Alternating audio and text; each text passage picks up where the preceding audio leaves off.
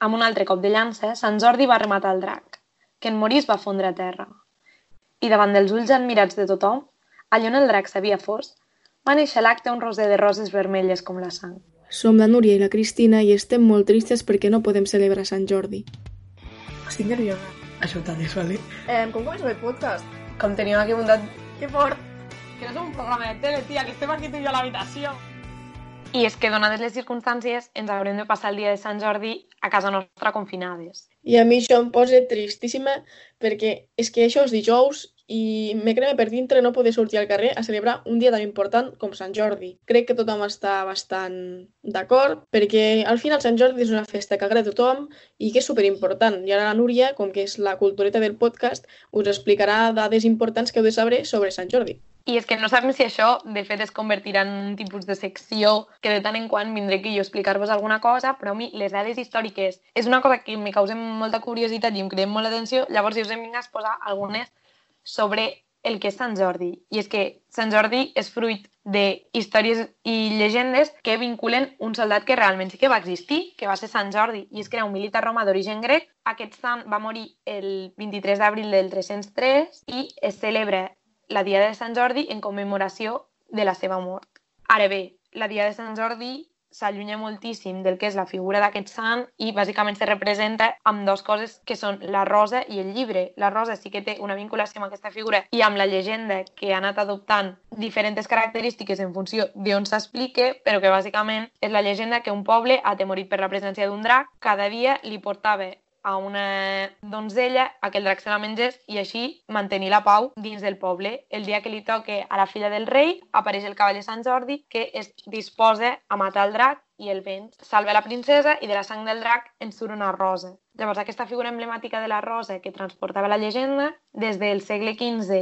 ja s'ha anat destacant de fet que a Barcelona ja es feien fires de roses en motiu de la commemoració d'aquest dia i en motiu de la llegenda. Llavors, a totes aquestes fires hi acudien sobretot nubis, promesos o matrimonis joves que tenien el costum de regalar-se roses i d'aquí comença l'origen del que és regalar-se una rosa per Sant Jordi. I és que a Sant Jordi se li atribueix també el que és el Dia dels Enamorats a Catalunya. Tanmateix, una altra de les figures més emblemàtiques de Sant Jordi són els llibres, que el seu origen es distància del que és la llegenda de Sant Jordi perquè prové com a commemoració de la mort de William Shakespeare i Miguel de Cervantes, que ambdós van morir el 23 d'abril, s'ha decretat aquest dia com el Dia Internacional del Llibre. Després de totes aquestes seccions que ha fet la Núria, que personalment trobo superinteressants perquè jo no tenia ni idea de la meitat, vinc a remarcar que Sant Jordi és el dia més bonic de l'any perquè és que literalment estem regalant flors i cultura, que és que crec que és el més guai del món. Però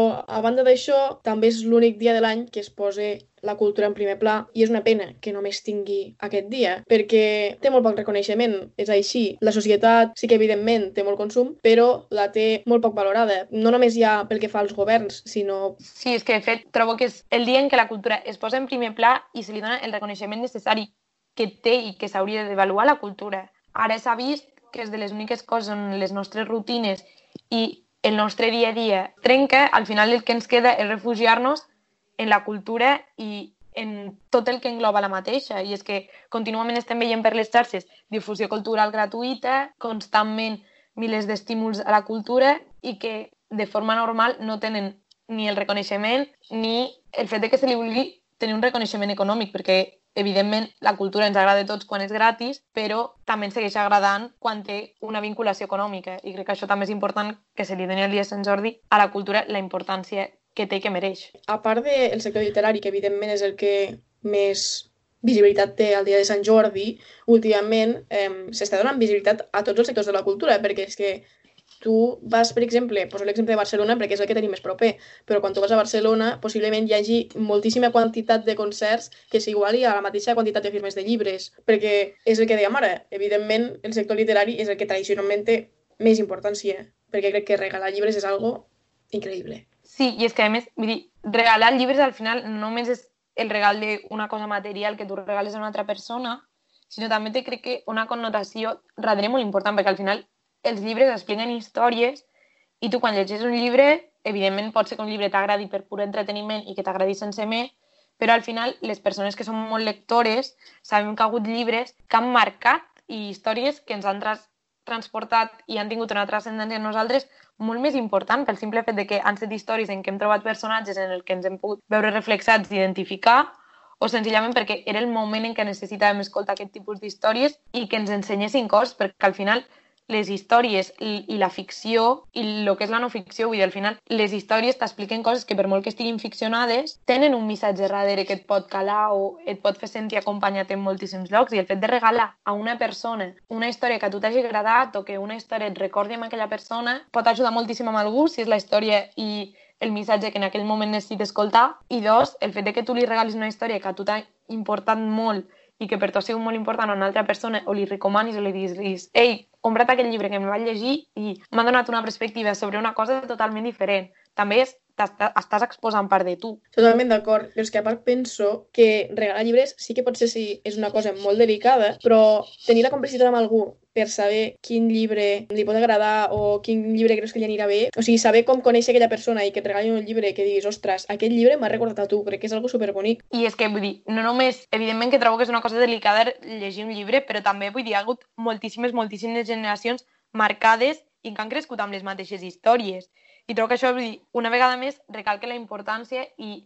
la importància que pot arribar a tenir el fenomen literari. Jo me'n recordo de quan era més adolescent, dintre de que tothom llegia llibres diferents i a un li agradaven més uns altres, hi havia certs llibres que han marcat generacions i li han agradat a tothom. Vull dir, jo me'n recordo els fenòmens de les distopies, que va ser fortíssim quan érem adolescents. Els Jocs de la Fam, Divergent, no sé si recordaràs unes que es deien Delirium, no sé, moltíssimes històries en relacionades amb distopies que van marcar moltíssimes generacions, o Harry Potter, per exemple, inclús quan érem una mica més petites, o Tina Superbruixa. Vull dir, han sigut històries que un munt de gent es llegia durant la mateixa edat i que han transportat molt el que és el fenomen literari globalitzat i que dintre de que cadascú vivia les històries de forma diferent, al final tots teníem certa relació entre nosaltres per fet de les històries que llegíem. Crec que inculcar des de petits és super bàsic i super important perquè és que jo només recordo arribar al col·le i dir que m'havia comprat un llibre del Jerónimo Stilton i era la persona més feliç del món.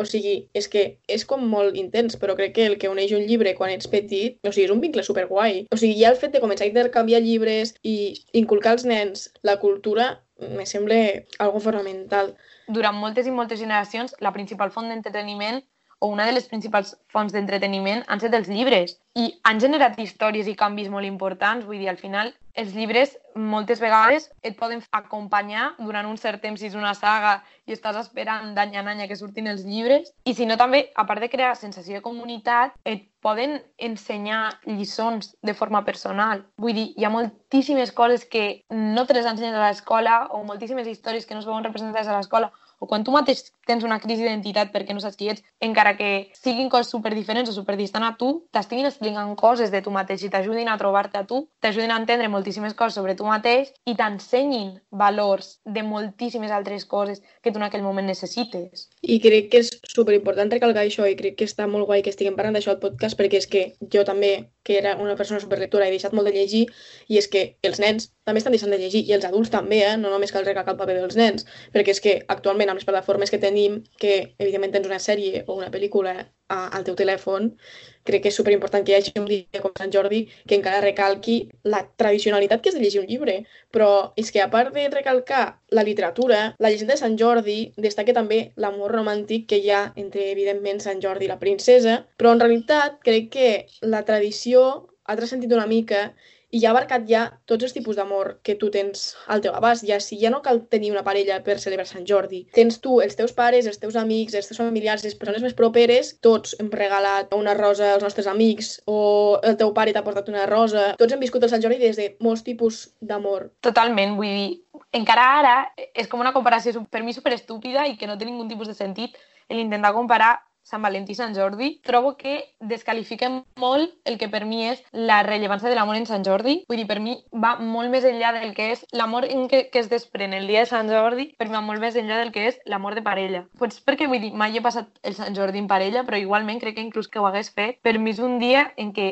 la celebració de l'amor transcendeix a altres cercles molt més importants o no tenen un reconeixement de pes quan es parla de dies d'enamorats o aquestes coses. Senzillament perquè al final és el que deies, vull dir, mm, a tots els nostres parents ha regalat una rosa o hem fet intercanvi de roses entre les amigues o senzillament ha estat un dia en què tu el passes amb molta altra gent que moltes vegades no és la persona amb la que estàs o amb qui tens una relació amorosa o el que sigui. Vull dir, al final crec que l'amor s'ha traslladat molt a altres bandes. També està molt bé que de forma cultural es posi en dir, bueno, és que es pot celebrar el Dia dels Enamorats amb la teva parella, que és totalment lícit, totalment perfecte, però també l'amor es pot expressar i es pot vincular a moltíssimes altres coses que són igualment importants, que et poden fer igual de feliç i que al final plenen la teva vida també. Totalment d'acord, perquè a banda de celebrar l'amor en tots els seus àmbits, crec que és super important celebrar Sant Jordi per la vida que dona Sant Jordi a les ciutats, perquè nosaltres dos, que som de Lleida, que és una ciutat eh, molt familiar, molt rutinària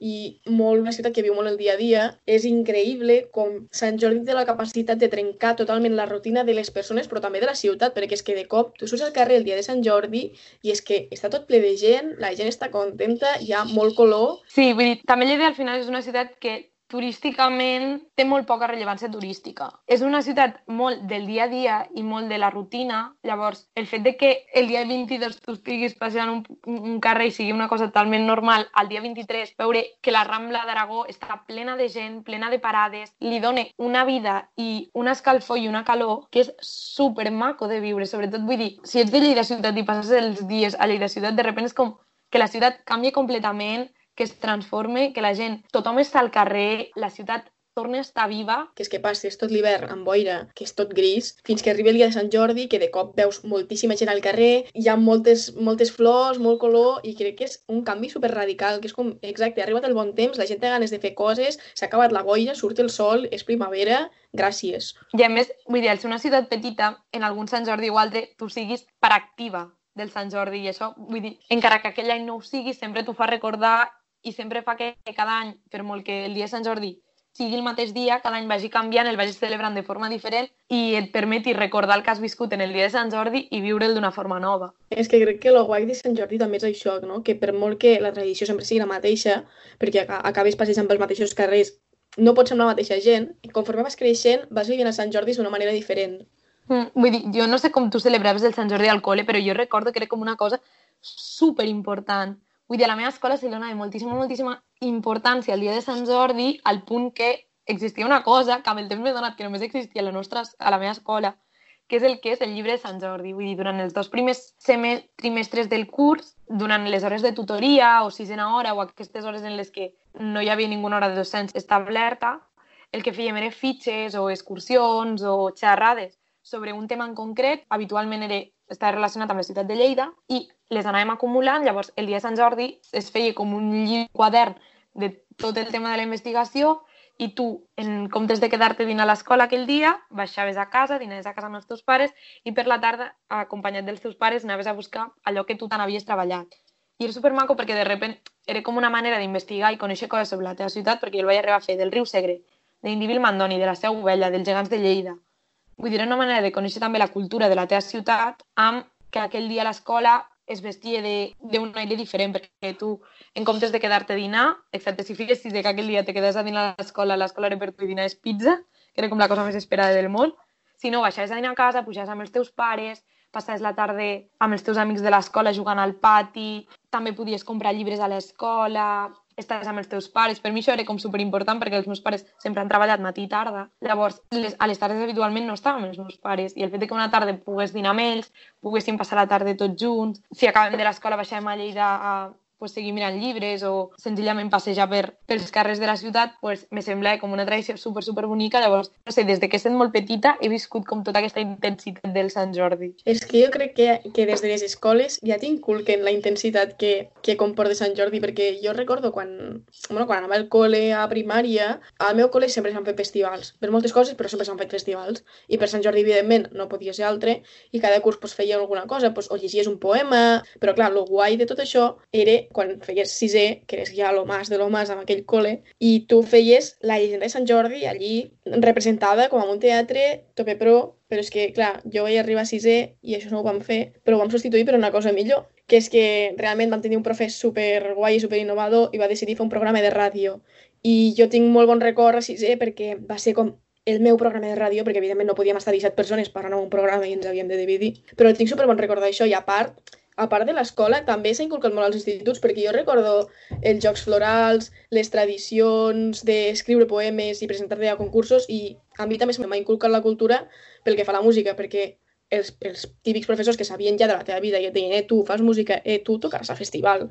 O sigui, era com, no sé, que t'inculquen des de petit i que per això també creixes amb algo a dins. Nosaltres a l'institut, a quart, lo típic que recaudes diners pel viatge final de curs de quart de l'ESO, vam fer una, vull dir, vam fer una parada a Lleida Sant Jordi. Ens fèiem com horaris de qui havia estat donant un rato no sé què i veníem ros i llibres. Llavors, és com una cosa que sí que des dels centres educatius s'ha anat implementant molt i trobo que també és molt, molt xulo que s'implementi d'aquesta manera. No sé, a mi al final és una cosa que m'agradava molt perquè a Lleida et permetia conèixer molt coses noves, perquè al final llibreries, totes sabem les típiques llibreries que són la Bacus i la Caselles, que són com els dos FNACs que hi ha a Lleida, bàsicament, perquè vull dir, no tenim aquestes coses tan modernes i tenim aquestes dues llibreries, que la Bacus sí que és una franquícia, però la Caselles crec que només està a Lleida. Sí, sí, sí, només existeix a Lleida i realment només tenim la sort de tenir-la a Lleida. Les coses com són. Però també et permetia molt conèixer altres llibreries que hi havia a la ciutat, que poden estar en els teus barris o per les zones habitualment habitaves, i que pues, de repent anaves a mirar les paradetes i tenien algun tipus de llibres que t'interessaven més, pues, sí, pues, tenien llibres més especialitzats en poesia o llibres de segona mà o coses així, que també era una manera de conèixer altres coses que estan a la teva ciutat i potser si pel teu dia a dia no hi passaves, pues, no sabies que estaven. Clar, jo tot això, doncs, per exemple, no ho he viscut perquè evidentment vic en un poble i hi havia una paradeta per Sant Jordi amb uns determinats llibres, però sí que ho he viscut a Tarragona perquè evidentment jo no em considero tarragonina ni molt menys i clar, jo des... o sigui, ser els racons de la ciutat que qualsevol estudiant sap que evidentment són els bars, les biblioteques i poca cosa més. Però clar, el dia de Sant Jordi, quan tu passeges per la Rambla, és increïble la mateixa gent que hi ha, perquè de normal és una Rambla que està buida, està molt abandonada, em sap greu dir-ho, però és així. I quan tu veus la Rambla plena, dius, ostres, aquesta llibreria de segona mà no sabia on estava, igual potser em quedé més a prop de casa per anar, a, per anar a comprar llibres o... És molt guai descobrir coses a través de la cultura. Sí, vull dir, a mi també part del que em sap greu de que aquests Jordi estiguin confinats, el fort impacte que això tindrà tant en la indústria de les floristeries com en els llibreters, perquè vull dir, és una indústria que està, trobo, super tocada per tot el tema de factories d'internet i que ara pots trobar moltes, moltes coses o pots comprar moltíssimes coses online, que ja, vull dir, era un sector que estava molt perjudicat per això i que el fet que no es pugui celebrar el dia Sant Jordi em fa moltíssima pena de que aquest sector hagi de sofrir tant les conseqüències del Covid. Han fet que el, bueno, que el dia 23 de juliol, amb sort, celebrarem el nou Sant Jordi. Jo no sé què n'opines tu, però em posa com trista i contenta alhora. Trista perquè segurament estaré treballant i estaré treballant morta de fàstic a la càmera de fruita com ja no és el primer any que em tocaria. Contenta perquè al cap i a la fi podem celebrar Sant Jordi, que crec que és lo guai, perquè evidentment per molt cansada que surta de treballar, evidentment tots anirem a celebrar Sant Jordi, és que no hi ha més, i qui no ho faci, doncs... És com una forma supermaca de almenys recuperar una cosa que, que al final és com l'inici de tot el que és la bona època de la primavera i de l'estiu, per mi l'inici comença amb Sant Jordi i a partir d'aquí venen un munt de festes, un munt de coses com m'animen molt i em, tenen tota aquesta màgia de calor de l'estiu i de les festes primaverals i estiuenques i que almenys es pugui traslladar i es pugui com tornar a donar aquest inici. Trobo que si es pot arribar a celebrar serà maquíssim i també doncs, molt més especial encara que no celebri a la data que s'hagi de celebrar. Podríem passar una mica a les recomanacions, que crec que seria ideal recomanar els llibres que estem llegint, si tu estàs llegint algun, Núria. Jo, personalment, estic llegint un llibre mitiquíssim, i és que abans estàvem parlant d'això, de lo important que han sigut les històries al llarg del temps, i jo estic llegint Cien anys de soledat de Gabriel García Márquez, que era un llibre que no havia tingut l'oportunitat de llegir i que just abans del confinament em van regalar i vaig dir, va, doncs per què no? Potser és un senyal perquè comença a llegir ja aquest llibre tan típic i mític. Jo, la veritat és que encara no me l'he començat. Vull dir, ara mateix no estic llegint res que no siguin els apunts dels exàmens que tinc dilluns i dimarts. Però tinc moltíssima intenció de començar-me un llibre que es diu Joana E, de Maria Antònia Oliver, i és que és un llibre que tenia per casa, de fet, ja deu fer un munt de temps que el tinc, però mai m'hi havia fixat, i aquestes últimes setmanes vaig veure que diferent gent que segueixo el recomana eh, i que era una història que estava molt bé, llavors, no sé, tinc moltes ganes de llegir-la. A més, és una cosa que faig poc, que és llegir en català, i almenys ara hi torno, que ja fa bastant temps que no ho faig, i considero que està una mica mal. Possiblement fa molt temps que tens a casa perquè és un llibre que teníem de lectura optativa a segon de batxillerat. O sigui, Núria, Oh. no sé com fa que tens aquest llibre a casa. Probablement bastant, i són d'aquests típics llibres que jo li deia a mare, sí, sí, sí, me llegit totes les, totes les lectures optatives, que al final no feia perquè, evidentment, a segon de batxillerat no tens temps per llegir-te 50.000 llibres, que és el que ens feien llegir al nostre institut, però almenys ara li donaran una oportunitat. A banda del llibre de Joana que em vull començar, jo voldria recomanar una plataforma que, de fet, li vaig dir a la Cristina literalment fa dos dies i no la coneixia i trobo flipant que no la conegués. Llavors la porto aquí per si hi ha algú que no ho sap, que se'n pugui assabentar perquè trobo que està superbé i és ebiblio.cat i és que donada la situació que les llibreries estan tancades, vull dir, hi ha una plataforma d'internet de les biblioteques públiques de Catalunya que tu amb el teu carnet de la biblioteca pots entrar i pots, de fet, demanar a préstec llibres i els pots llegir de forma online, però també hi ha una cosa molt interessant, que és que també pots visualitzar pel·lícules que estiguin a Filmi, perquè les biblioteques, vull dir, la xarxa de biblioteques de Catalunya té com un conveni a Filmi, amb Filmi, que hi ha determinades pel·lícules que tu pots veure durant 72 hores. Bàsicament són 8 pel·lícules al mes, dos, dues pel·lícules a la setmana, que trobo que, com la majoria de gent també té altres plataformes. I no sé, trobo que és molt guai, vull dir, volia portar bàsicament perquè la Cristina em va dir que no ho coneixia i va flipar quan li vaig dir. Jo ho porto, per si algú no ho coneix, si no teniu carnet de biblioteca pel que sigui, us el podeu fer online i us donen un número provisional durant aquest temps. I no sé, trobo que és molt guai, vull dir, jo volia portar bàsicament per això, perquè tens milers, accés a milers de llibres que si estan disponibles te'ls pots descarregar i tens, crec que són 21 dies per llegir-los, i accés a pel·lícules i a moltíssimes altres coses. Vull dir, aquí per vosaltres us deixo aquesta recomanació. Doncs fins aquí el nostre podcast especial Sant Jordi. Esperem que vosaltres també tingueu una lectura que almenys us faci més amena el dia que no podem estar tots celebrant-lo fora. Molts petons, cuideu-vos, ens tornareu a escoltar i nosaltres a llegir si ens deixeu algun comentari por ahí la setmana que ve i recordeu que estem a xarxes, si ens voleu dir alguna cosa o pel que vulgueu. Som arroba parlem podcast a Twitter i a Instagram i si per alguna casualitat volgueu saber més sobre la Cristina o so- sobre mi, jo sóc Airun sobre a totes les meves xarxes. I jo sóc Cristina Quadrat a totes les meves xarxes. Pedonets i cuideu-vos.